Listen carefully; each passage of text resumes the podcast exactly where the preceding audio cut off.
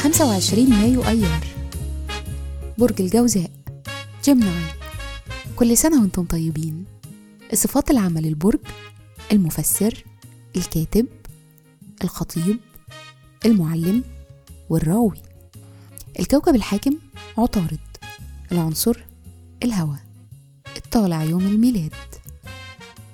رحلة الحياة بعد سن 27 بتركزوا على حياتكم العاطفية.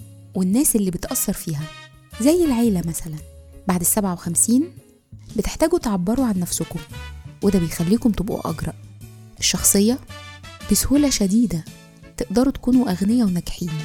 بس بالرغم من كده الفلوس لوحدها عمرها ما هترضيكم. مهارة العمل أذكياء بتستمتعوا بالنقاشات الجيدة. أنتم محتاجين مجال شغل يستغل قدراتكم على التواصل. زي مثلا المبيعات أو المحاماة.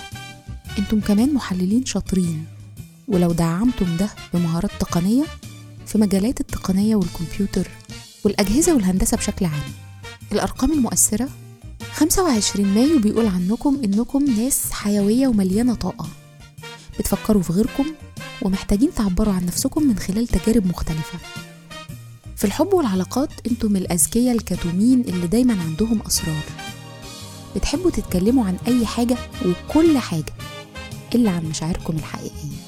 بيشارككم في عيد ميلادكم العالم الفيزيائي بيتر زيمن جوزيف تيتو رئيس يوغوسلافيا الأسبق والممثل الإنجليزي إيان ماكيلين والممثل سيليان مورفي. وكل سنة وأنتم طيبين.